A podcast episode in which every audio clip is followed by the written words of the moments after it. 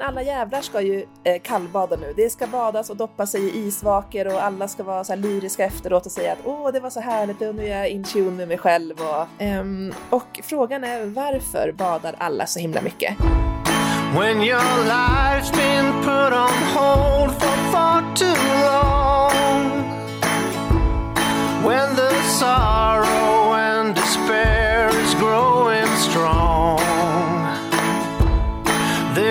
There is always something good to be obtained From breaking loose and leave the things that kept you chained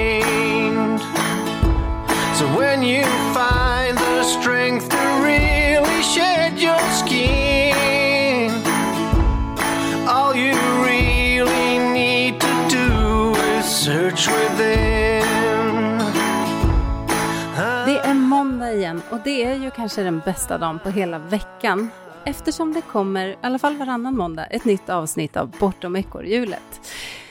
Och idag så har vi ett, ett roligt, förhoppningsvis inspirerande avsnitt. Det är jag rätt så säker på att det kommer bli. Det är också så att jag har min nya co-host, kan man väl kalla det, med mig vid min sida idag. Hej Sara Renne! Hej! Vad kul att få vara med! Ja, väldigt roligt att du vill vara med tycker jag. Hur mår du idag? 1 till 10. Ja, men jag gillar måndagar. Det är som ett nytt oskrivet blad eh, med ja, men fullt med möjligheter inför veckan. Så att jag känner att jag är på en 8 plus. En 8 plus?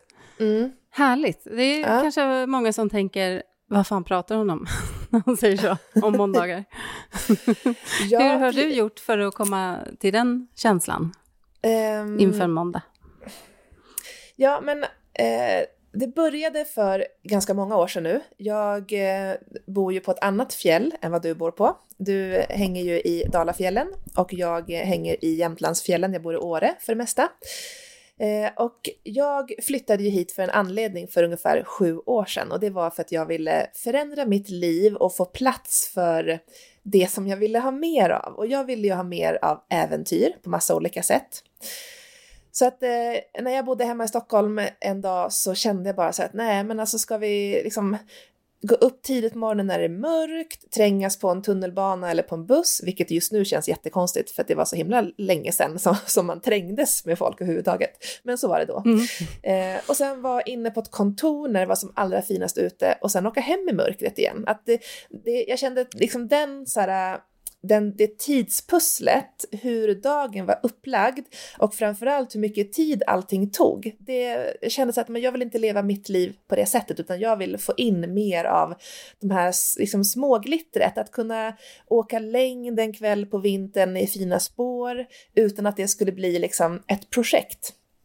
Så då bestämde jag mig för att flytta. Eh, och för att göra en lång historia kort så sitter jag nu här i Åre och känner att ja, det är måndag. Igår var det söndag. Jag hade ingen söndagsångest, också superskönt. Eh, och att liksom även om det finns jättemycket vardag, för det kommer det alltid att göra oavsett om man bor i Åre eller på Bahamas, eh, så kan man fylla vardagen med mer av det här liksom, som ofta är liksom tillägnat helgen, bara för att det finns mer utrymme mm. för det.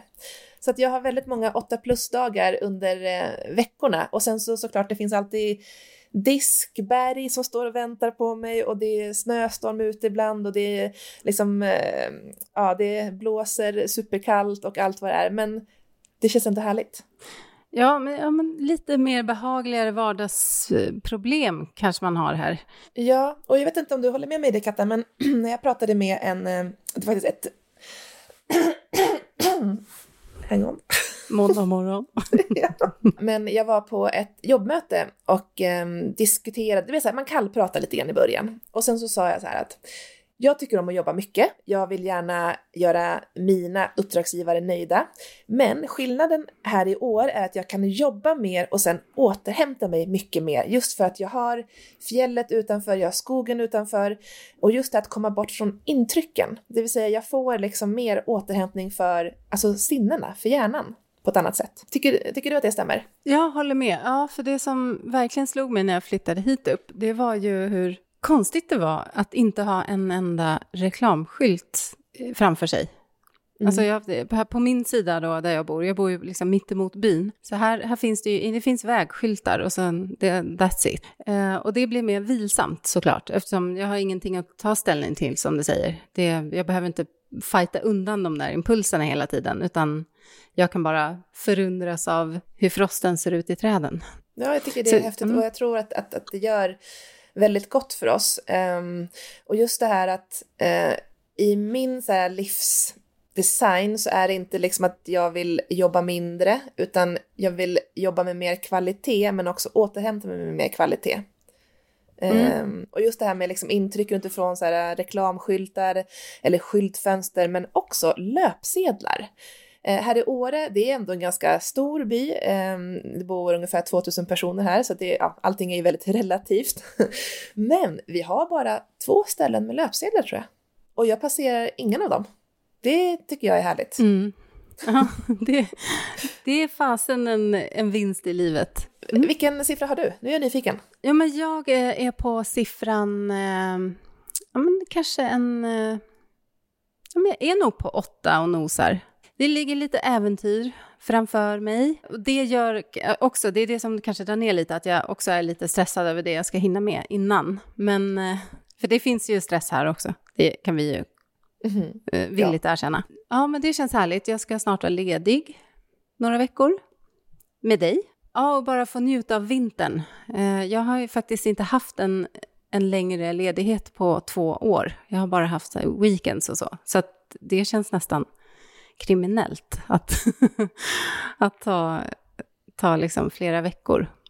Mm. Men det ska bli jättehärligt och verkligen så här få maxa vintern och njuta och fota och ha det, ha det gött. Mm. Och det här apropå att du har jobbat hårt och intensivt som du har pratat rätt mycket om i podden. Mm. Ehm, eh, för det är ju ganska speciellt att du har jobbat då hårt och intensivt under två år utan någon längre form av ledighet. Hade det funkat om du hade bott i en storstad?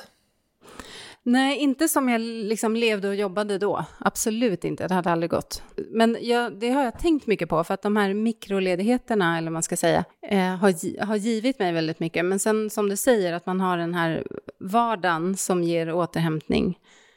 Att jag, ja, men jag åker längdskidor på kvällarna och drar upp på ett fjäll på helgen kanske. Och, eh, eller så är jag bara hemma och det är helt tyst. Eh, mm. liksom påtar på gården.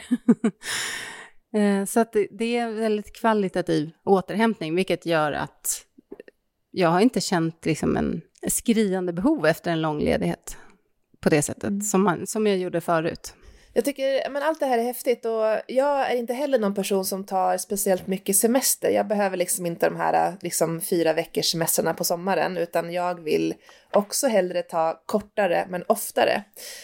Um, och jag tror att behoven ser så olika ut utifrån vad, vad vi gör, vilka vi är, vilket sammanhang vi lever i och liksom på en massa olika sätt. Men jag tycker man verkligen ska fundera på så här, vilken, vilken återhämtning behöver just jag och framförallt vad är det jag behöver för slags eller hur liksom ska jag skapa det här? Är det att, att man ska resa iväg eller skapar det kanske mer stress? Eller liksom att, att verkligen känna efter. Så här, när känner jag mig utvilad eller vad är det som ger energi inåt? För att för min del så att resa bort utomlands till exempel, det blir ofta lite mer stress än lugn för min del. För att jag vill ofta, ja men det ska packas och sen så vill jag liksom maxa själva resan med mm. upplevelser så det är himla mycket research jag håller på med för att så här, det ska bli så bra som möjligt. Och sen när jag väl är där, ja men då måste jag, jäklar vad jag måste passa på för att det ska, det är ju här och nu liksom. Ja, då vill man inte ligga och sova länge Nej. kanske, för att då missar man ju massa saker. Ja, precis. Som inte så. går att ta igen på något sätt. Ja, nej, det kan jag hålla med om. Sen kan det ju vara otroligt avkopplande att ta en promenad på en sandstrand på morgonen. Men eh, som sagt, det blir ju ofta den där fokuset på upplevelser, att nu ska vi se allt, mm. ska checka av allt. Så, så mycket som möjligt mm. liksom. Ja. Ja, vi får precis. se hur mycket, det, hur mycket man reser i år. Det blir spännande. Vi kommer ju komma in lite på 2021 i det här avsnittet. Eftersom vi har tänkt att vi ska trendspana lite Ja. Vi, vi, tar på oss eh, den här eh, experthatten och siar in i framtiden och kollar i glaskulorna. Men först kan vi bara säga då, så mm, bara repetera att eh, Sara, du har ju varit gäst i den här podden ett flertal gånger. Eh, ja, jag, jag har pratat om, gånger. Eh, ja, jag har pratat om drömmar och misslyckanden. Och så har mm. jag pratat om att investera sina pengar på olika sätt och hur jag har gjort. Och så har jag pratat om någonting mer. Vad var det för någonting, Katta? Frilanslivet. Ja, exakt. Precis. Så de avsnitten, vill ni gå tillbaka och lyssna så, um, så gör det. Det är väldigt bra avsnitt. Uh, och det är några av våra mest lyssnade också. Mm, kul. Sara-effekten. ja. ja, och nu ser jag fram emot att få vara med här lite mer regelbundet. Precis, för Sara ska ju då vara vikarie för Johanna, som vi berättade i förra avsnittet. Så det kommer vara med här um, ungefär varannat avsnitt, eh, tanken. Mm. Vilket betyder ungefär en gång i månaden då. Och först ja. ut är det här spännande trendavsnittet där vi har gnuggat våra geniknölar. Jag vet ja, inte om jag hittar mina ju... någonstans. Har du några? Det har inte jag. det är oklart. vi, vi är båda ganska löjligt förtjusta i att eh, just spana på sådana här grejer. Eh, och vi, vi pratar väl ofta om det när vi ses också. Inte så att vi sitter och aktivt trendspanar, men det, det dyker ju upp i många av våra konversationer. Så vi mm. tänkte att vi gör ett poddavsnitt av det. Det är ändå fortfarande början på 2021, även om det har hunnit gå tre, tre veckor sedan nyårsafton. Mm. Eh, så det är väl eh, högaktuellt tycker jag.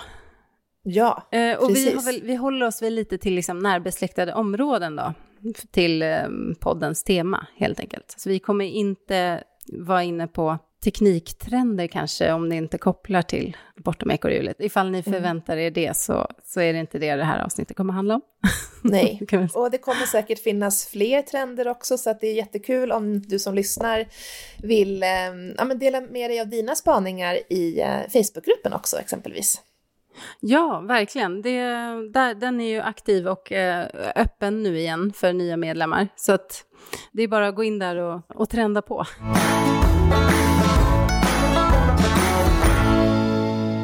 Ja, men vi har blickat framåt mot eh, det som alla, hela mänskligheten hoppas ska bli ett mycket bättre år än vad det förra året var då, 2021. Och vad tror du, Sara, spontant? Eh, blir det det?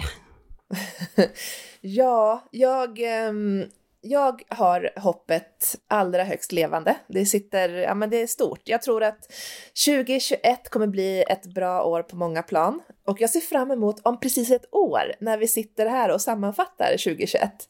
Och så här, mm. vad, vad hände då egentligen? För att det är så enormt mycket som hinner hända på ett år eh, stort som smått. Så att, eh, för grejen är att det händer ju saker som vi inte kan kontrollera och det gör det absolut hela tiden. Mm. Eh, men det är ju mycket av det som händer alltså som är hur vi reagerar på det vi inte kan styra. Så att när, när det händer mycket som, in, som är liksom utanför vår, vår makt, som det här med corona till exempel, eller vilken president som det är i USA, eller liksom sådana saker, och det blir stora konsekvenser, då är det ju som att det händer mycket mer, eller det så får större innebörd förstås. Liksom. Så mm. när det har varit ett ganska lugnt år utifrån så politiken eller utifrån det så här, samhällsekonomiska planet, ja men då, då blir ju året lite mer utifrån vardagen på ett annat sätt. Eh, så att jag förstår att många tycker att det har hänt jättemycket under 2020, fast det säkert har hänt lika mycket så här 2019 också. Fast det liksom mm. har inte gjort lika stora avtryck bara. Det, mm. Nej, det är inte den här kollektiva minnesbanken som har påverkats. Nej, precis. Mm. Ja. För nu Men, är det verkligen något vi alla har gått igenom tillsammans. Ja, och, och pratat om enormt ja, mycket. Precis, och på en massa olika plan och det har haft så här positiva effekter för vissa faktiskt och ne mycket så här ne negativa effekter också. Um, men jag tror, um, och det ska vi inte glömma bort, att så här, i alla kriser så föds ju någon form av så här förändrings benägenhet för att man måste. Så att utvecklingen eh, så här, i en kris eller strax efter en kris går ju väldigt snabbt jämfört med liksom ett, ett vanligt år där vi inte måste bli bättre för att det är ingen som tvingar oss. Så att jag ser fram emot den här nationalekonomiska analysen som kommer om typ 3, 4, 5 år. För jag tror att det kommer finnas jättemycket där som där, där, vi ser att vi har gjort, att vi faktiskt har tjänat ganska mycket pengar på ett samhällsplan. Eh, sen har vi också tappat supermycket, absolut. Men eh, just de här, eh, men utvecklingen, nya sätt att jobba på i massa olika sektorer. Det finns mycket där som, mm. som man kan grotta ner sig i. utveckling. Ja, och det är mm. ett av mina drömjobb faktiskt, att faktiskt få vara med och liksom räkna på det här. Tänk vad roligt. Mm, vi kör en liten eh, annons här. Ja. Vem, vem riktar vi oss till? Är det, är det Magdalena eller? Jag vet inte tusan vem jag ska skicka den här CV till. nej.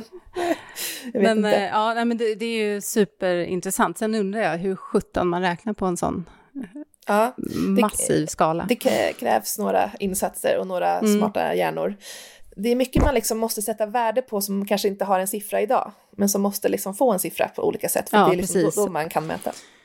Och så, så kallade long tail-effekter, liksom, hur långt ska man mm. dra analysen? Men ja, jag kan också sitta och tänka, jag lyssnar mycket på sådana här P3-dokumentärer eller ser dokumentärer överlag väldigt mycket, och ska tänka ibland så här, ja, hur kommer det här, hur mm. kommer det här sammanfattas? Liksom, om, om 10 eller 20 år när någon lyssnar på det. Ja. Eh, hur kommer det, liksom, vad, vad blir slutsatserna? Det, det är väldigt häftigt på ett sätt att få vara mitt i, i ett skeende mm. som är så stort. Men vi ska ju hålla oss till 2021 och eh, ja. blicka framåt.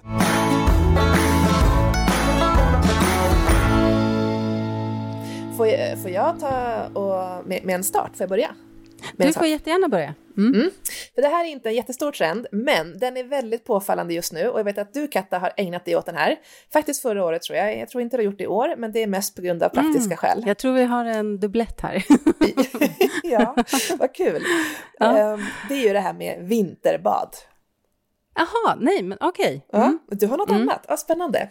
Ja. Alltså, nu ska ju, nu kommer jag svära så att ni får stänga öronen om ni är känsliga, men alla jävlar ska ju eh, kallbada nu. Det ska badas och doppa sig i isvakor och alla ska vara så här lyriska efteråt och säga att åh, det var så härligt och nu är jag in tune med mig själv och känslan efteråt och det är ord som magiskt och pirrigt och jag är absolut i högsta grad skyldig till den här trenden också, eller att vara med i den. Ja, det kan till och med eh. ha varit lite drivande kanske.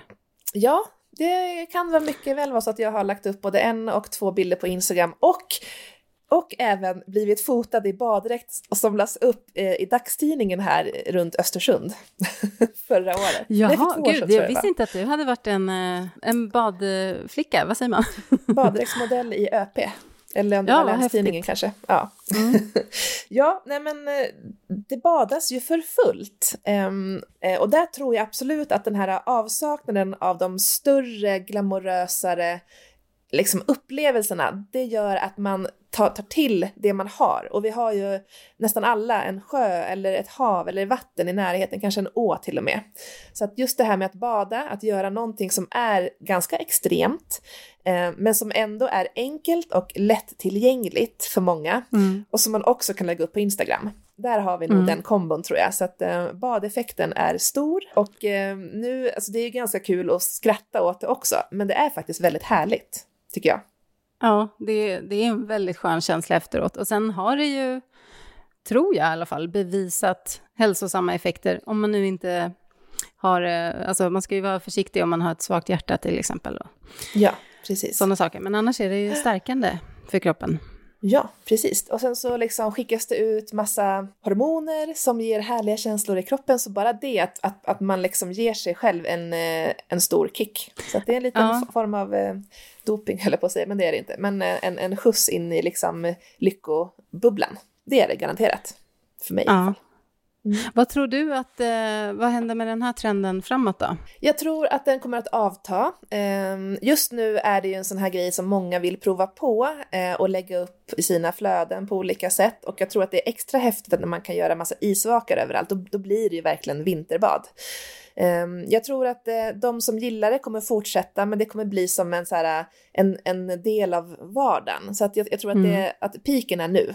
Eh, och sen mm. så kommer det mattas av i den här wow-effekten, men att eh, de som så vill bada för hälsans skull, de kommer absolut att eh, fortsätta med det. Eh, jag tror att det kanske kommer bli lite mer av en upplevelse, att, att man kanske ses eh, i mindre grupper och badar och så att händer marschaller och gör lite så här övningar till det, typ yoga eller så. Man har en, kanske en fin bastu efteråt så att det liksom blir som ett, ett litet event kan man säga. Men att det kommer sjunka in mer i vardagen och bli något man inte pratar om så mycket? Ja, det för kommer de bli som en fortsätter. självklarhet. Mm. Kommer det du fortsätta? Ja, jag har ju badat nu i två år, eh, mer eller mindre, mindre regelbundet. Och jag tycker att det är superhärligt. Jag älskar känslan efteråt. Det är ju som att få ja, att det sprudlar lite grann inombords. Eh, jag tycker absolut att det är en form av mental styrketräning också. Eh, just det här att våga lita på sin egen förmåga, eh, att våga lita på att det jag har bestämt att jag ska göra, det gör jag. Eh, alltså det, det ger ju en liten superkraft att, liksom att ha inombords. Så att ja, mm. jag fortsätter. Och eh, när man bor norröver så är det ju kallbad större delen av året. Det är liksom inte ja, jättevarmt det... även på sommaren. Och det Nej, finns alltid det... liksom en, ja, men en så kall fjällbäck då också. Så att, jag tror ja, på vinterbadets effekter.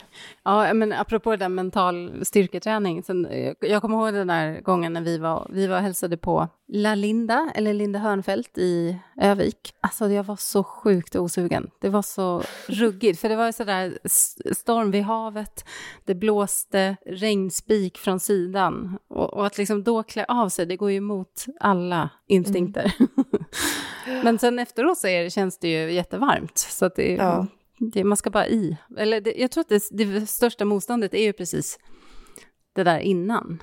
Mm. Att, att gå i tycker inte jag är lika jobbigt. Nej. Men att, att klä av sig och tänka på att man ska gå i när det är kallt. Ja.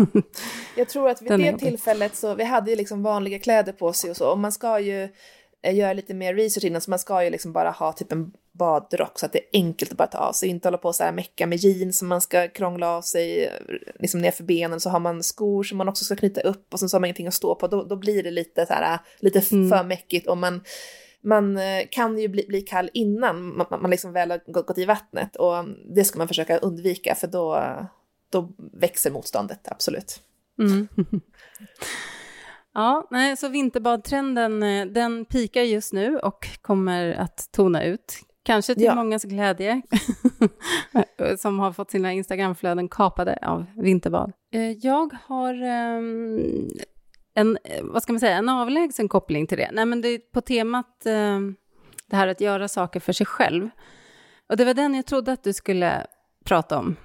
Den står som, som nummer två att, här. Ja. Att jag gjorde förra året. Sen gjorde jag i och för sig inte det så mycket förra året, men jag hade det som ett mål förra året, nämligen att utforska andlighet.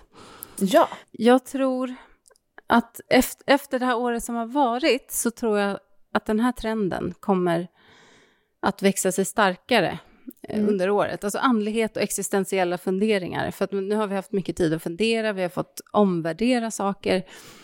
Vi kanske har upptäckt helt nya dimensioner av hemmet och vardagslivet och relationerna. Så jag tror att det får en större plats i år, alltså den, den själsliga hälsan. Ja, att, det tror jag också. Verkligen. Så här, själslig, eh, jaget, att hitta sitt, eh, liksom, ja, men sitt varför med hela allt sammans som man lever i. Eh, spiritualitet på massa olika plan. Mm. Och hur, det, där, det där är ju olika för varje person vad det innebär. Alltså jag, jag, men jag tror också att vi till exempel kommer se ett litet uppsving, eller början på ett uppsving för religionen eller för kyrkan. Men mm. också den här in, mer individuella spiritualiteten då, så, alltså att man själv utforskar sina vägar och, och hittar det här. Men just meditation är en del, att kanske ta till sig av ny litteratur och utforska. Kommer vi se liksom fler typer av seanser och mm. den, ja, den typen av sammanslutning. Jag tror att det, det kan bli ett spännande år på det planet eh, för att man har fått mycket utrymme nu att pausa från det här ständiga smattret. Vad ska man säga? Distraktionerna som vi är, mm. har varit väldigt bra på senaste åren. Att resa, shoppa, det ska hända saker, vi träffar folk hela tiden och nu har vi inte gjort det. Och då det där spacet som har blivit över, det har nog varit jobbigt för många, tror jag. Och det har det, det har det varit för mig också, särskilt det här bristen på sociala relationer, att, att träffa människor i, i den utsträckningen. Även om jag i vanliga fall kanske ses som en eremit jämfört med många eh, som jag bor själv där jag gör. Men det blir ändå ett utrymme som, där du får tid att tänka. Och det kan vara ganska jobbigt till en början. Mm. Ja, mm. absolut. Jag tror att um, pandemin har gjort att vi har blivit tvingade att stanna upp och um, tänka för att det har inte funnits mycket annat att göra ofta. Um, för att i många fall eh, när man kanske behöver det här, liksom den här ställtiden eller den här tanketiden mest av allt så är det så mycket lättare att bara gå till nästa grej och göra nästa sak och liksom sådär, att liksom tvinga bort sina egna tankar och köra sitt race istället. Eh, men nu har det blivit som ett, en lång paus i allting så att vi har verkligen liksom blivit påtvingade det, det här. Eh, och jag tror att många har älskat det. Vissa tyckte att det varit superjobbigt. Att verkligen ha tillit, det är nog det liksom att, att man söker tilliten till att det faktiskt kommer bli, bli bra. Eh, och för de som har liksom, eller som, för de som har nära till tilliten så, så har man ju kanske någon form av trygghet i allting. Men jag tror att tillitskänslan kommer vara en, en, en avgörande del här, vil, vilket man, man liksom tränar på när man mediterar, eller som, som kyrkan kan, kan ge också, eller den här spirituell, vet det, spiritual, gud vilket svårt ord Katta. Spiritualitet. ja, exakt. Eh, och just det här med olika stenar och deras kraft liksom. Ja, och det har ju kommit mer. Ja. Um, kristaller och stenar, eller så är det i min bubbla kanske, men helt plötsligt har det dykt upp. Ja, men det på dykt, mycket fler ställen. Ja, det har ju dykt upp och blivit mycket mindre flummigt, man får säga så, och mer mm. liksom eh, trendigt och lite grann som man, man, har i handväskan, fast man kanske är mitt i karriären eller man är en supercool innerstadstjej liksom, så, så, så, är de här stenarna något som, som tillhör ens Har du liv. provat det? Nej, Inte jag har inga stenar. Inte det aktivt kanske, i alla fall. Vi kanske ska prova det liksom på, på poddens mm. uppdrag under året. Ja, men precis. kanske vi ska att, utforska de här. Exakt, för olika stenar har ju olika, eh, vad ska man säga, olika karaktär, olika symboler. Ja. ja, men precis. Mm. Ja, jag, jag, är otroligt lite insatt i det där faktiskt, men det, det skulle kunna vara intressant att utforska. Men, mm. eh, men jag, jag kommer mer, jag ska faktiskt inleda året med en, en inre resa. Berätta, vad, ska se, du göra? Se, se vad man hittar där. Ja, just det. jag, ehm, jag ska gå en, eh, eller ska gå i terapi nu. Ja, För just det. är en sån här grej som jag har alltid sagt det till liksom många, eller sen när man pratar om det, att oh, men det borde man göra mer eller mindre regelbundet och liksom ganska ofta egentligen. Mm. Och sen slog det mig att det nog är tio år sedan sist jag gjorde det.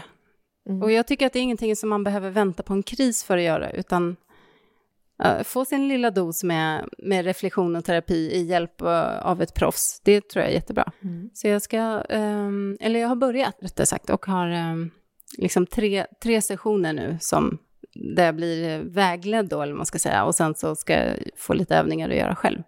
Så det tycker jag blir, det får jag väl rapportera vidare om här i podden då. Ja, verkligen. Vad, vad som händer med det. Ja. Men där bland annat eh, meditation är en del av det. Ja, för meditation är någonting som vi har pratat om förut, du och jag. Eh, mm. Och vi var ju på en meditation i samband med förra nyåret. Ja, just det. Eh, har du mediterat någon gång efter det? Två gånger kanske. Ja, men det är ändå regelbundet. Mm. ja, precis. Men eh, för du, du har ju sagt att du är nyfiken på det här med andlighet um, och, och sen så har du nu nämnt meditation och sen så terapi som en del av liksom en självutveckling också. Vad är din förväntan på det här? Vad vill du, vad är du nyfiken på? Alltså det, det jag framförallt vill, det är väl att, att låsa upp eh, mentala hinder som jag tror håller mig tillbaks, eller föreställningar som påverkar mina val. För jag jobb, liksom har jobbat många år med att hitta min väg och min inre kompass och sådär. Och där tror jag att de där, det finns vissa liksom föreställningar som har hängt med en hela livet som man inte ens reflekterar över. Mm. Som påverkar de där och det stör mig. Så jag vill, mm. jag vill liksom, vad ska man säga då? Frigöra mig från det. Mm. Och sen tror jag också att, att det alltid är bra. Jag, menar, jag grubblar och reflekterar mycket som person, det så har jag alltid varit. Men att göra det med någon annan kan ge nya spännande tankar och eh, idéer Så, mm. Och liksom leda in en på lite nya spår. Så Verkligen. det är väl vad jag hoppas på. Mm.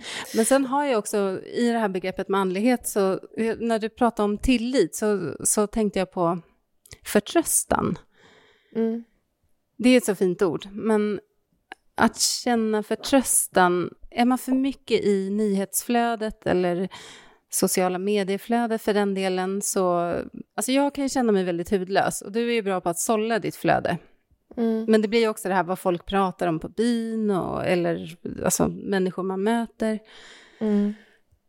Så kan det vara liksom, det, det, är så lätt att bli påverkad av, av det, för det, ofta är det ju det negativa som får uppmärksamhet. Det är, mm. liksom, det stormas i Kapitolium och det är ja. klimatet och det är pandemi och allt möjligt. Så att jag tror också på det här att, att hitta, att bli bättre på att aktivt söka de positiva delarna och hit, känna förtröstan. För utan mm. det så, så blir det så, blir livet så ännu mycket tuffare tror jag att gå igenom. Så att det är också en del hur att vända du, fokus. Hur skulle du liksom um, definiera ordet förtröstan? Vad innebär det? Men en tro på att det kommer ordna sig, en tro på att det... För det är ju egentligen övervägande gott omkring oss. Mm. Men det får inte alls lika mycket uppmärksamhet. Nej. Så, så det handlar väl om att dels att kunna se det, men också känna den känslan. Att ja, men det är tillit på ett sätt, mm. tillit och förtröstan. Mm. Att att saker kommer bli bra och att, att allt inte bara är hemskt, utan det finns mycket, mycket bra. Jag har precis läst eh, Björn Nattiko Lindeblads bok Jag kan ha fel. Eh, han, eh, han hade ju också ett, ett, stort sommarprat, eller stort, han hade ett sommarprat uh -huh. som blev, som mm. blev hyllat. Som blev stort. ja, ja, och eh, i den här boken och även i pratet så nämner han just ehm, just lite grann det du är inne på. Eh, för han, han har ju ALS och han har samtidigt varit ute och eh, gjort en turné. Det här var nog också förra året tror jag, eller förra, förra året kanske. Och han liksom nämner att han, när han var ute då själv och skulle ta ut så kort eller ta ut pengar ur en bankomat, att liksom han inte kunde ta ut kortet själv, men att, att han fick, fick hjälp av liksom okända och han, han fick hjälp när han trillade och han fick hjälp med sina väskor och han fick hjälp just med så ganska, men det var ganska enkla saker men också ganska mycket som var känsligt liksom, så hjälp med att knäppa mm. byxorna ibland av så okända Alltså, alltså okänt folk på gatan, det kunde vara någon som, så här, någon som städade hans rum på hotellet. Och att det finns väldigt mycket gott i människor. Och det kan jag tycka ger just en känsla av att, att ja, alla eller de flesta vill ju väl. Vi är ju medmänniskor och vi, mm. vi, vi vill egentligen gott. Men just det här att det är det, det liksom negativa som fastnar när, när, när någon var arg på en till exempel eller när någon kanske blängde ilsket. Det, sånt som, det, det, liksom det som fastnar och så känner vi så här att och alla är så arga och tänker bara på sig själv. Och, liksom. och det där tror jag hänger ihop mycket med att man säger andlighet, att det, det, inte ska vara en del i det här självförverkligandet. Som vi, vi mm. pratade mm. ju med Camilla Liv i höstas, prästen Camilla Liv, och då, då kom vi in på det, att det har ju liksom blivit som en del i det här, the perfect me-grejen, att mm. jag ska mm. också vara väldigt andligt connectad och sen ska jag vara fysiskt eh, praktexemplar och och lyckad på alla plan. Att andligheten tror jag mer handlar om det här, att sträcka ut en hand eller att be om en hand och att vi tillsammans, liksom, någon slags kollektiv rörelse. Att det är Precis. den viktigaste delen i det här, att öppna upp sig. Ja, och att liksom se, se oss som att vi har alla våra utmaningar och eh, för jag tänker just när man kopplar det till Instagram, då, då ser man ju så här allas bästa ögonblick, alltid liksom. Det är när man är som lyckligast, när man gör som häftiga saker, när man är som snyggast, när det är som mest perfekt hemma. Det är bara så här alla liksom bästa, bästa mm. liksom, eh, delar. Men just att vara människa är ju mer än så. Det är ju liksom att ha empatin, att inse att, att vi alla är liksom människor med våra svagheter, med våra styrkor och hela paketet. man kan bli lite så här, åh, ibland, när man bara, gud vad vi kämpar allihop. Ja, men faktiskt. ja, exakt, och vi kämpar med våra tankar. Det är mycket liksom tankarna och eh, som kommer och stör för oss, ställer till det för mm, oss, att mm. vi inte är bra nog eller att nej, jag måste förändras för att duga. Ja, vi blir rätt så matade med det också. Och det, det är ju inget nytt. Men ja, jag tror att den här den här trenden behövs för att balansera upp det. Eh, mm. Och jag tror att den har fått också en skjuts av året mm. som har varit. Mm. Ja, så mer, mer eh, andlighet och spiritualitet ja. 2021. det ska bli jättespännande att följa den trenden tycker jag, på massa olika ja. plan.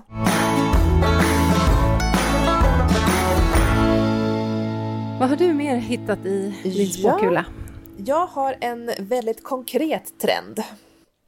Eh, och det här kommer du hålla med, med mig och jag vet att du tror jag har planer på den här trenden också. Men jag ska säga så här, sommaren 2020, folk odlade som bara tusan i sina, på sina balkonger och i sina trädgårdar och eh, i fönstren. Det var mycket odlande.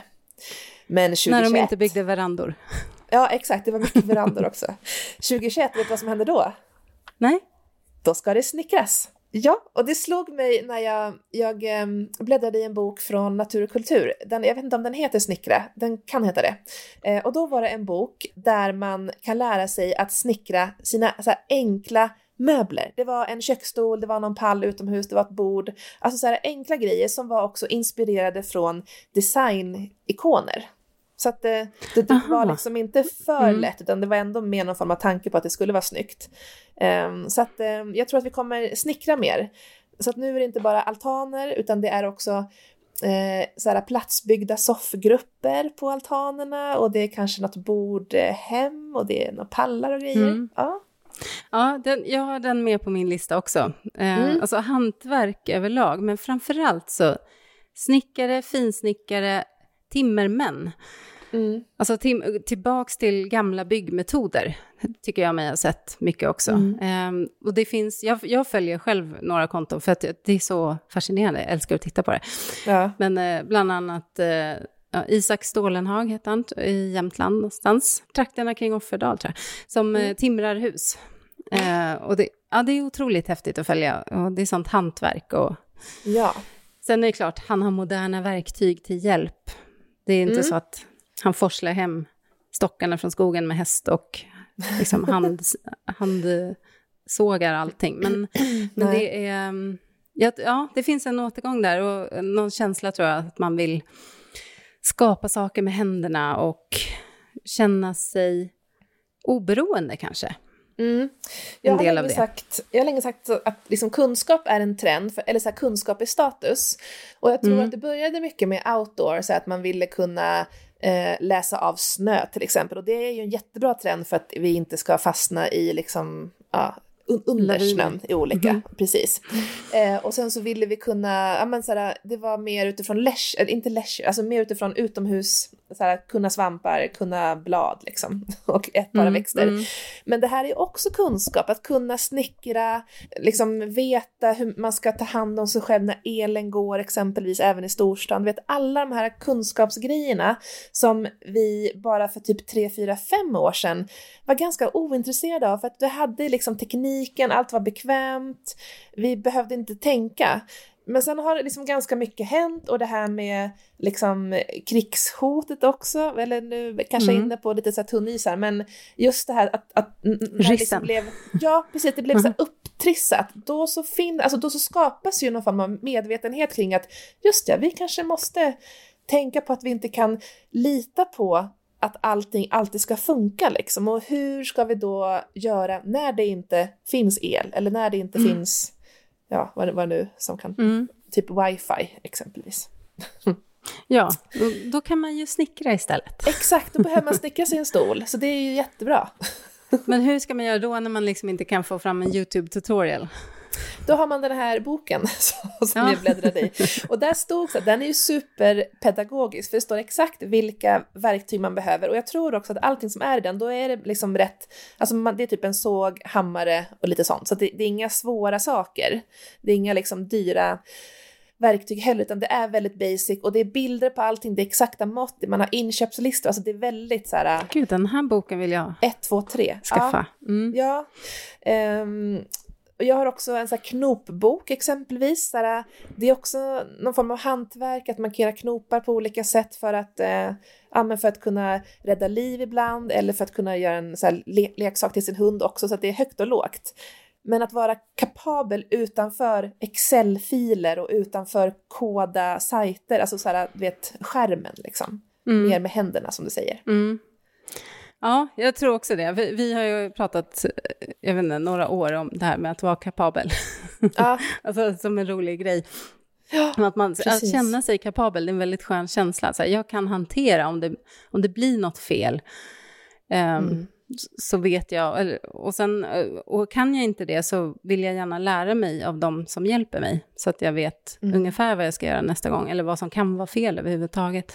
För det blir man ju otroligt frånkopplad när man bor i lägenhet. Man är ju så bortskämd då. Mm. Alltså bara, ja, nej, men vattnet kommer ju bara och elen ja. är där och...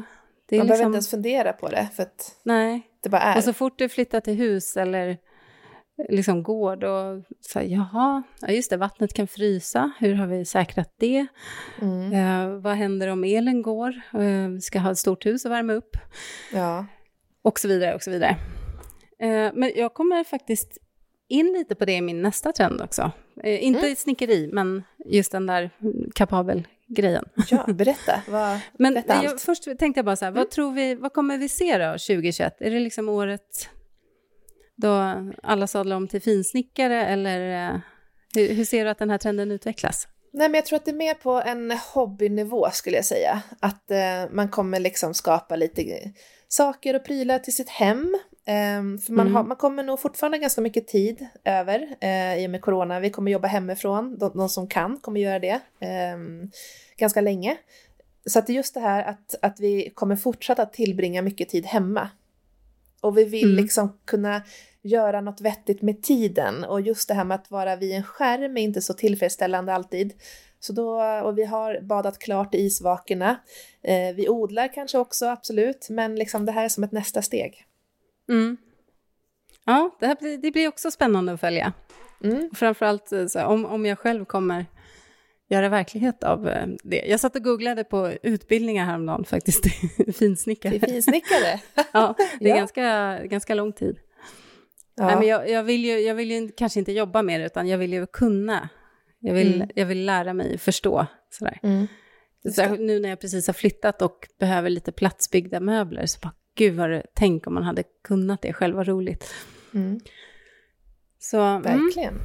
Jag tror att det är nog bara, alltså där finns det väl ganska mycket kunskap ute på just internet då, som vi inte skulle hänga på. Men eh, jag tänker att det borde finnas mycket där på YouTube och sådana saker.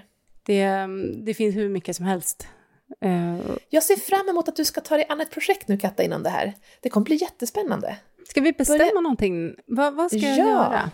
Man kanske ska börja i, jag kanske inte ska börja med att platsbygga ett skafferi. Det Nej, men det kan du ta som steg tre eller fyra. Ja, men ja. Jag, jag, jag, tror att, att, att du kan, du ska bara testa några andra saker först. Ja, jag sitter och tittar runt här hemma vad det är jag behöver. Jag tänker att du får det här i uppdrag till nästa poddavsnitt. Mm. Mm. Ja, men jag har en idé. Mm. Vill, vill det du avslöja bli... det nu? Ja, men jag, tänk, det skulle, jag skulle kanske kunna ge mig på ett sängbord. Ja! Det kanske är lagom sådär, lagom mm. början. Jättekul, perfekt, jättelagom tror jag. Jag, jag får vänta tills eh, snön har försvunnit så jag kan jobba utomhus, men det får bli sommarens projekt.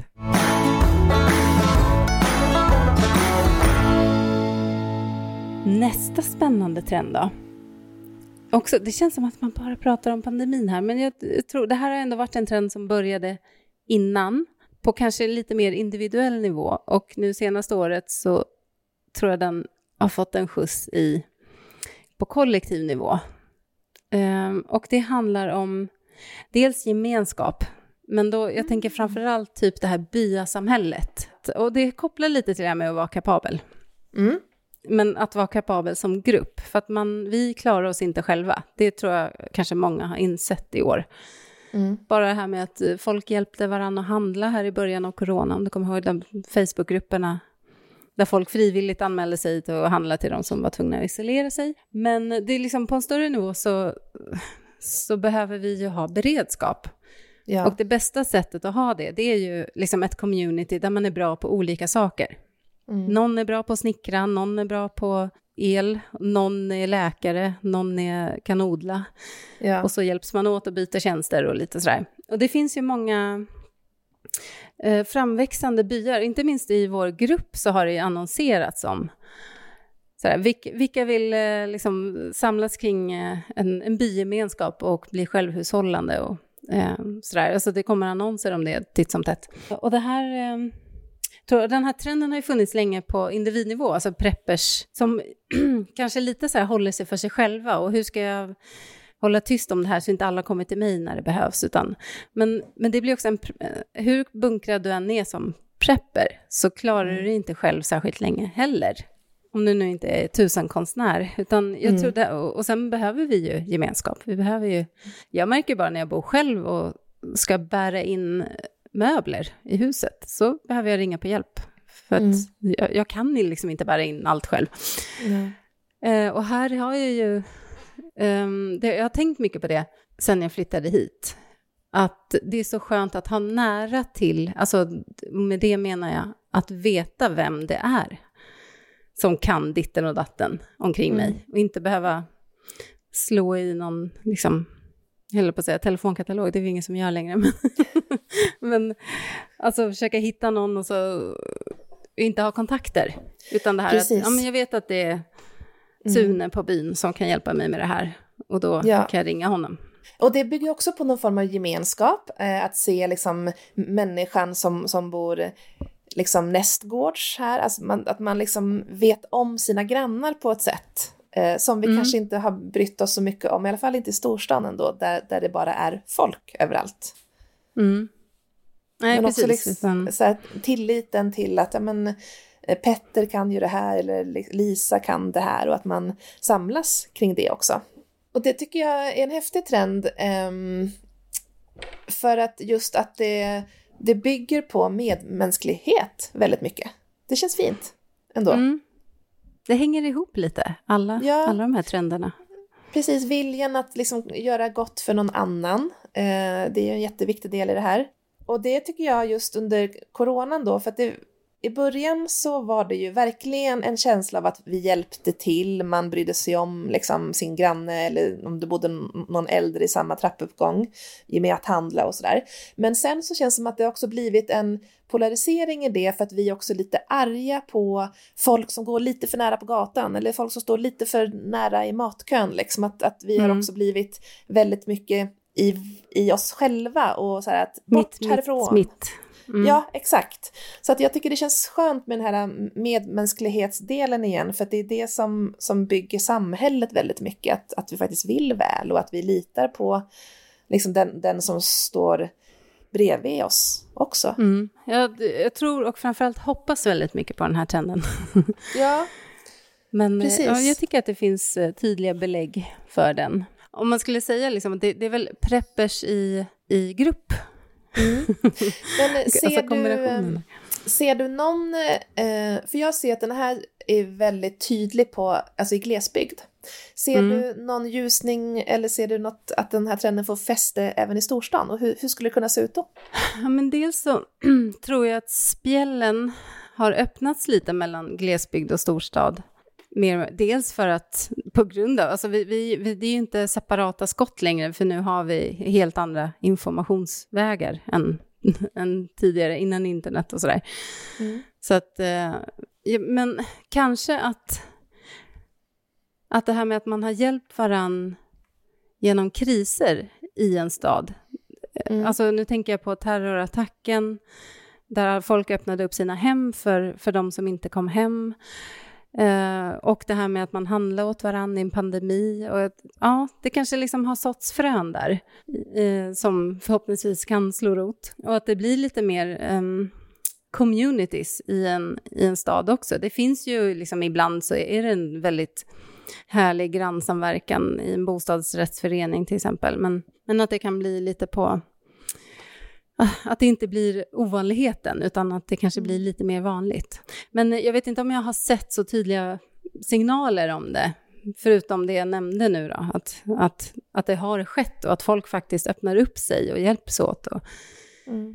eh, och det är ofta kriser som för oss så, samman lite mer. Mm. Så får vi se om det, om det lever kvar eller om vi glömmer snabbt, som, som man lätt gör. Men jag tror också att många kanske har längtat ut från städer under pandemin. Därför att det, det är lite enklare att bo som vi gör när det är lockdown, höll på att säga. Vi har väl inte haft lockdown i Sverige, men eh, vilket har gjort att också kanske den här klyftan mellan stad och landsbygd har minskat, därför att man har sökt sig mer utåt, ut från stan. Mm. Ja. Och upptäckt kvaliteterna där. Och, och att det faktiskt eh, krävs en del för att eh, röra sig i natur, eller liksom kunskap mm. och, och eh, hjälp. Ja, precis. Eh, jag har ju skrivit ner glesbygds, glesbygdstrend som en, en av mina spår och det hör ju lite grann samman med det du säger nu, liksom just det här att att arbetsgivare har tvingats bli mer flexibla med att låta folk jobba på andra sätt, vilket har gjort att eh, människor som vanligtvis har så här, tillbringat all sin tid i stan har letat sig utanför stan just för att man vill kunna göra något annat än att vara liksom i sitt hem liksom. Och det är ju mycket lättare att kunna gå ut och inte träffa någon när man inte är i stan. Um, mm. så att, eh, och jag tyckte att den trenden har också varit på gång under några år och där tänker jag att Underbara Klara har varit en av de här personerna som har drivit på den trenden. Att hon har visat på att det går att ha ett Eh, ett meningsfullt jobb, alltså en liksom karriär som man faktiskt vill rätt mycket med. Eh, men att också bo utanför storstan på en massa olika sätt och allt härligt som man faktiskt får i och med det, eller som man får i och med det, eh, på en massa bra plan. Ehm, men det är ju inte, allting är ju inte helt enkelt för att här i Jämtland så ser vi att det är många som bor i storstan men som kommer hit och typ långtidshyr ett hus eller en stuga under vintern för att ja, men det är superhärligt att vara här och kunna åka skidor och så.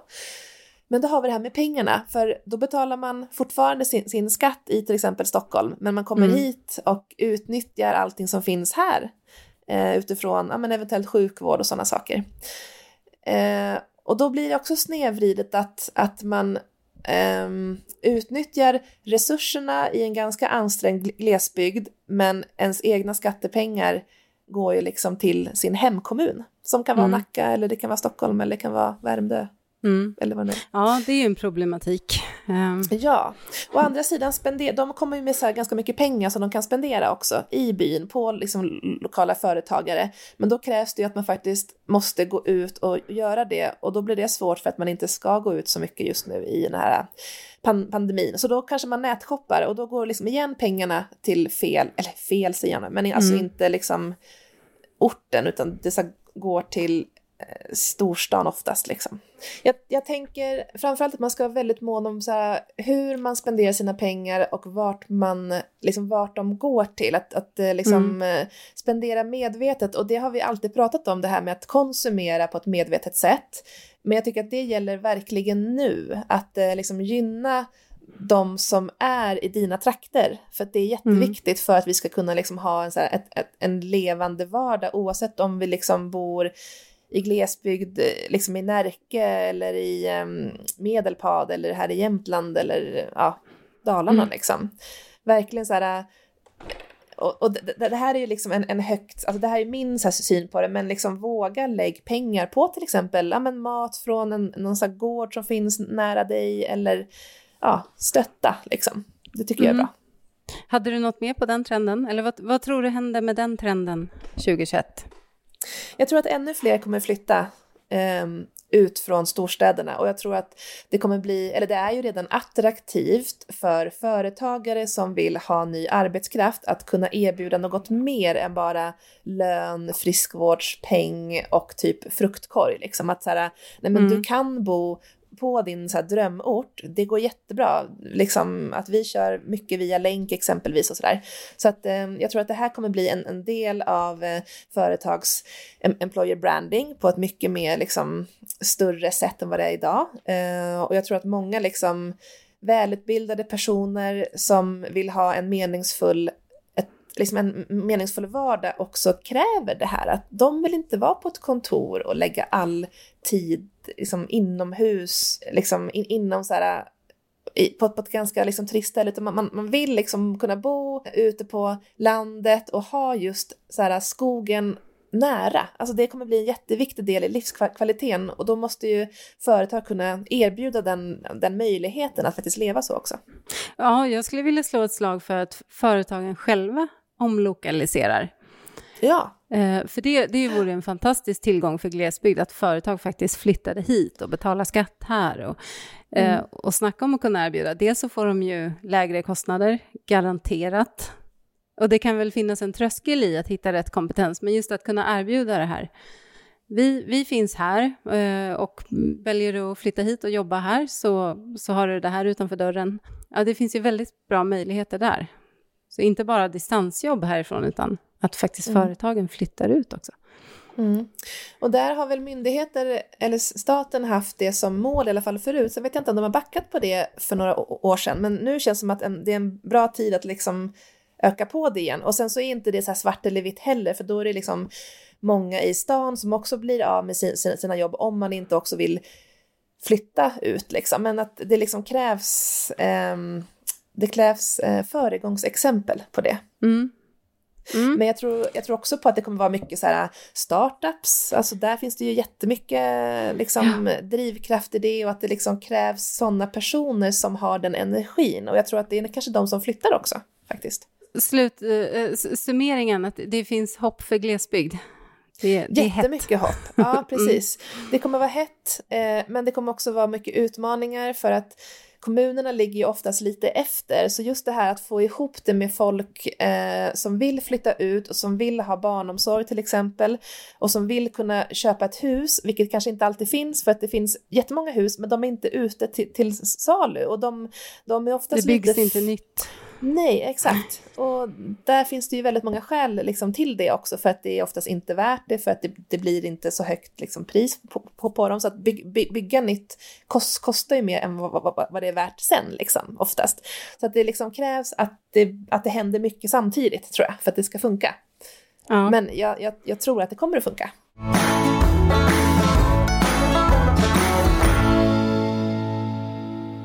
Jag tror så här, ehm, att i år kommer vi se ganska många fler som sadlar om och byter karriär. Ja. Nytt liv, nytt jobb.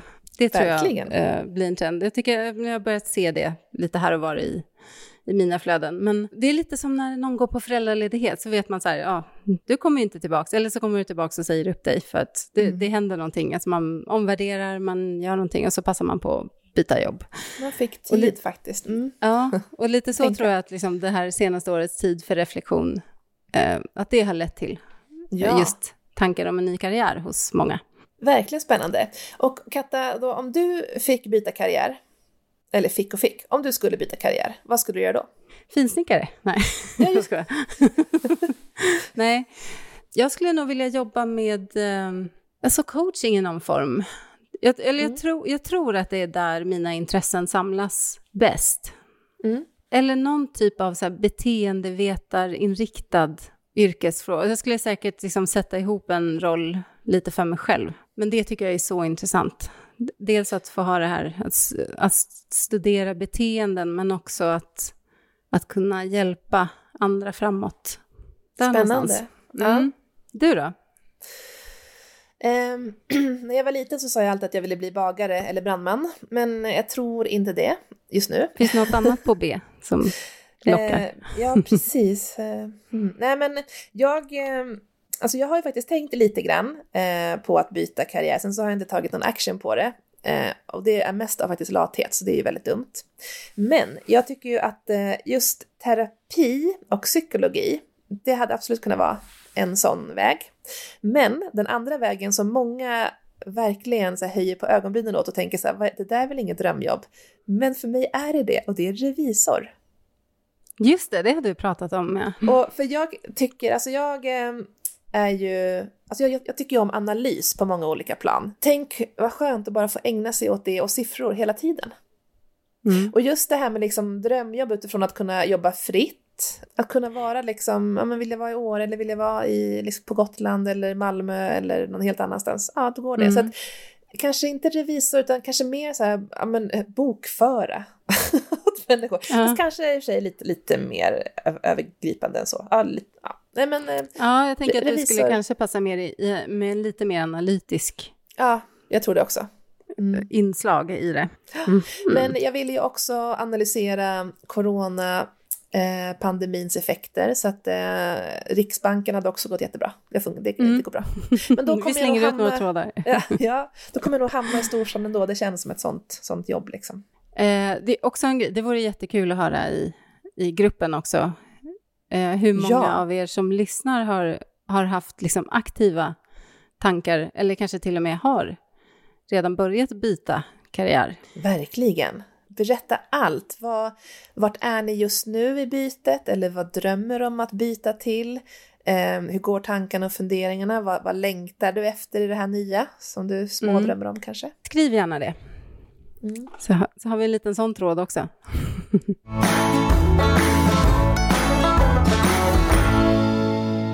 Eh, har du något mer, Tren? Nej, alltså jag skriver traditioner, ehm, men det är också, vi är inne på lite grann samma sak tänker jag hela tiden, det här att vi har, vi har alla liksom genomgått ungefär samma, samma sak i omvärlden och att nu så hämtar vi hem mycket, att vi, vi återgår till eh, det som är basen i allting, liksom i kunskapen att ta hand om sig själv och sitt liv för att kunna överleva om, om det skulle krävas, till det här jaget och till medmänniskan bredvid oss, eh, att vilja liksom utveckla de bitarna och ha mer tillit till andra. Eh, men också det här glesbygd, eh, allting så känns som att vi liksom backar hem och hämtar hem och jag tänker att traditioner är också en sån grej, att vi ehm, att vi samlas i rötterna. Vi liksom tycker mer om sill. Vi kommer lägga in mer sillar exempelvis. Vi vill samlas i körer och sjunga. Vi vill ha liksom kyrkan mer närvarande på massa olika sätt. Så att det kommer bli, det kommer bli mer påsk i påsken. Det kommer bli ännu mer sill mm. då exempelvis. Det kommer bli Ritualer mer midsommar. och tradition. Ja, men precis.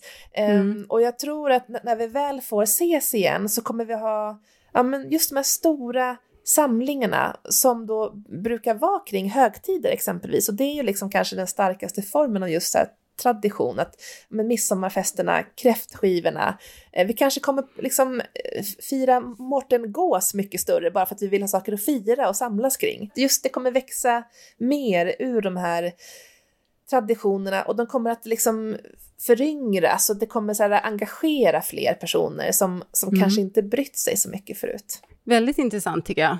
Och vi har ju alltid hållit på så i mänsklighetens mm. historia. Vi har haft våra ritualer och traditioner som har sett olika ut. Så vi, vi behöver väl det ganska mycket. Vi kanske har varit för individualistiska. Ja, men jag tror åren. verkligen det är så att vi, vi mår inte bra av att ha det för fritt. Vi kanske längtar efter på en massa olika plan för vi tänker så här, åh vad härligt att bara vara helt fri hela tiden. Men människan, enligt min, vad, vad jag tänker och tycker, vi är liksom inte gjorda för det. För att vi, alltså jag tänker så här, bara att ha ett, ett jobb där man inte vet vilka mål man har, vilka regler som finns. Vi blir ganska så här, uh, oroliga i det. Vi vet inte, så här, vänta, har jag gjort ett bra jobb nu eller är jag dålig? Så vi, vi behöver verktyg för att förhålla mm. oss till så att, amen, nu ska jag känna mig nöjd eller åh, nu är det så här. Just när man har då så här, uh, samtal med, med sin chef, att liksom ha någonting att att liksom rejta sig, sig på, det, är så här, det liksom skapar ju någon form av känsla av att men jag är nöjd, jag har gjort ett bra jobb eh, och att känna liksom glädje över det. Alltså vi, vi behöver det här som vi tycker är tråkigt. Och jag, nu vet jag inte, jag, jag, tror att det finns en studie, eller det finns säkert jättemånga, på just unga som har det så här för fritt. Att det, det blir liksom inte psykiskt bra av det. Vi, vi blir mycket mer mm. oroliga. Vi, det, det blir som krokben för oss helt ja, enkelt. Jag tror man kan lätt bli handlingsförlamad i, i det. Vad ska ja. jag göra med all den här tiden? Och ja, precis. Just det här att, att inte ha tydliga mål eller riktlinjer sådär, som vägleder. Exakt. Men vi behöver krokar att hänga upp verkligheten på. Typ. Exakt så, ja. Och då tror jag också att nu, nu när vi är så medvetna om så här, livets skörhet och vi är väldigt liksom påminda om födelse och död, då blir det så här, alltså året blir ju som krokar på olika sätt, att men nu händer det här på året och sen så händer nästa grej och det blir liksom verktygen som tar oss framåt och som håller oss sane i det. Vad mm. är det för svenskt ord? Alltså ogalna, friska, mm. mentalt mm, ja. stabila. ogalna. ja, vi är ogalna. Men, ja. ja. Skulle jag liksom jobba inom kyrkan idag så skulle jag se ganska mycket möjligheter faktiskt. Ja. Det, det har dykt upp i två av våra trender här. Så det är väl eh, gemenskapens år, andlighetens år, det är eh, karriärbytenas år. Och jag skulle vilja lägga till en liten trend, eller eh, spaning. Ja. Det, I år tror jag också att det är skogens år. Ja! Spot on, berätta. Ja.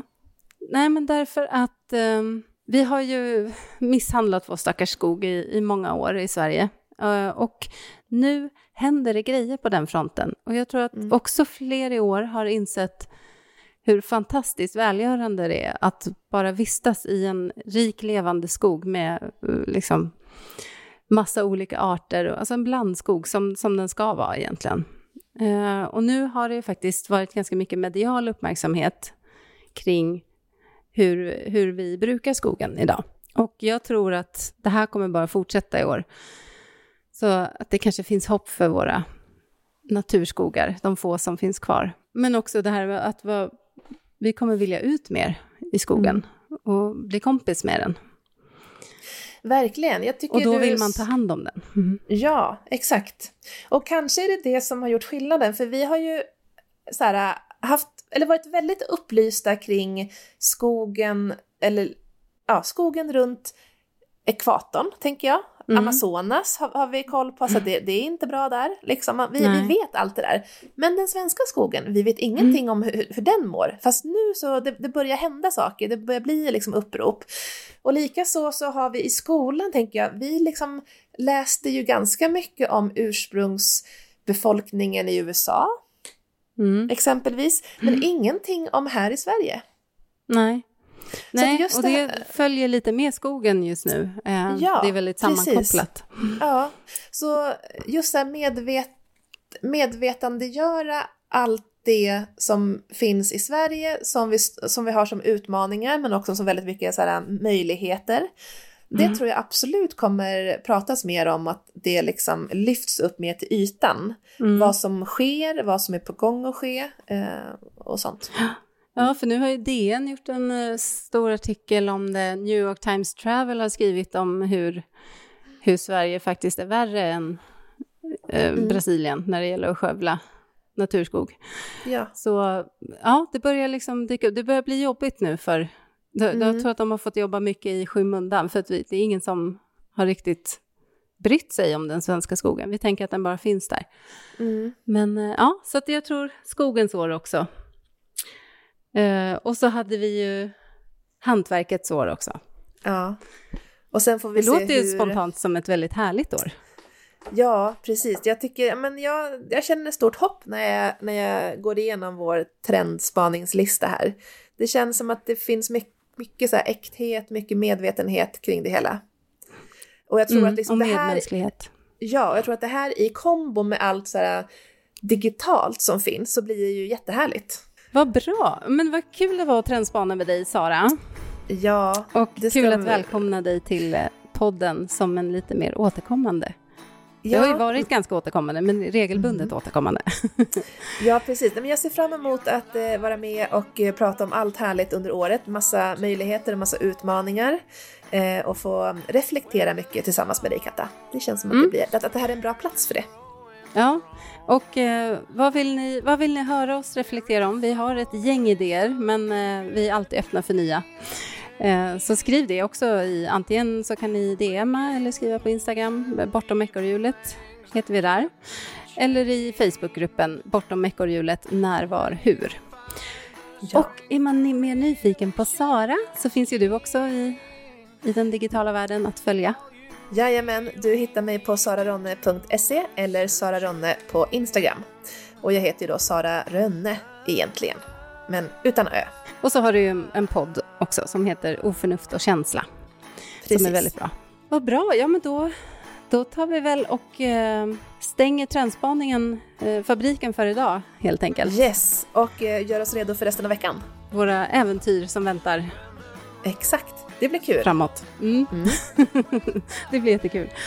Eh, ja, tack för idag Sara och, och vi ska också tacka Sven Karlsson och Epidemic Sound för vår fantastiska låt The Search Within. Och vi hörs igen om två veckor. Ta hand om er så länge. Hej då! Hej då! If you hold on to your pride and stay